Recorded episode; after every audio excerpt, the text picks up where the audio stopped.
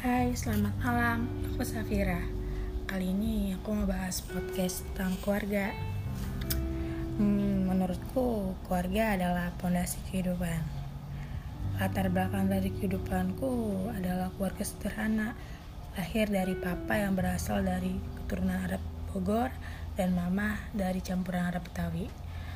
Entah bagaimana mereka bertemu, yang aku tahu mereka tidak pacaran, tapi langsung menikah. karena papa yang menyukai mama duluan.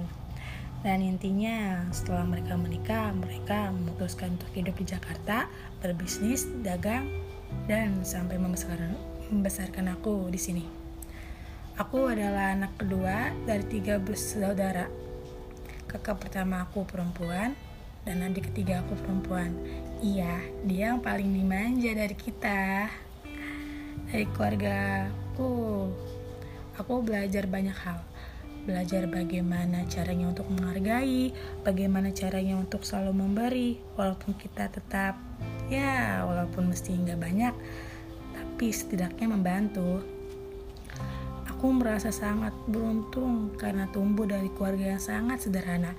Tidak pernah menuntut materi tidak pernah menuntut nominal tidak pernah menuntut anak menjadi apa dan seperti apa Orang tuaku tidak pernah menuntutku untuk menjadi apa-apa yang mereka inginkan. Mereka selalu bilang apa pun yang ingin kamu lakukan, apa pun yang kamu senang lakukanlah, lakukan saja. Dari situ aku jadi belajar bahwa hidup ini tidak melulu materi. Keluargaku mengajarkan bahwa hidup ini tentang seberapa bergunanya kamu, bukan seberapa kayanya kamu. Percuma jika kamu punya banyak harta, tapi kamu tidak pernah berguna untuk lingkunganmu. Hmm, dulu aku sering berantem dengan kakakku, cuma gara-gara hal sepele, kayak pinjam-pinjaman baju, terus salah paham. Waktunya mau make, eh nggak bisa make karena dicuci. Atau berbeda pendapat, karena aku pengen makan nasi goreng, tapi kakakku pengennya ayam bakar. ya gitu deh itu seru banget. Tapi sekarang kakakku udah menikah dan udah punya keluarga sendiri. Dia udah gak serumah sama kita rasanya beda banget. Dia adalah orang yang paling sering aku ajak rame yang paling sering aku ajak berantem. Sekarang aku kesepian gak tahu rasanya beda waktu ditinggal dia dia dinikahin dan akad aku nggak sedih aku nggak apa-apa aku bahagia banget. Karena kehilangan musuhku karena kamar yang besar ini aku yang tempatin bareng sama adik aku.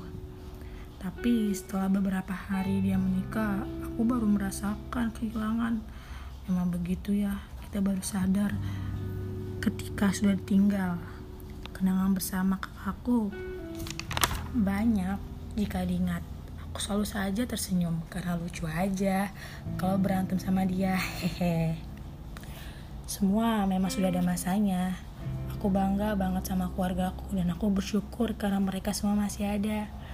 Buat kalian yang masih punya keluarga lengkap hargai ya. Senyebelin apa pun itu serumit apa pun itu yakin deh. Suatu saat pasti kalian akan sangat merindukan hal itu mereka tempat curahanku ketika aku sedang sedih, senang, apa pun itu mereka pasti selalu ada buat aku. Aku sangat menyayangi mereka. Hmm, demikian cerita podcastku berakhir sampai sini dulu ya.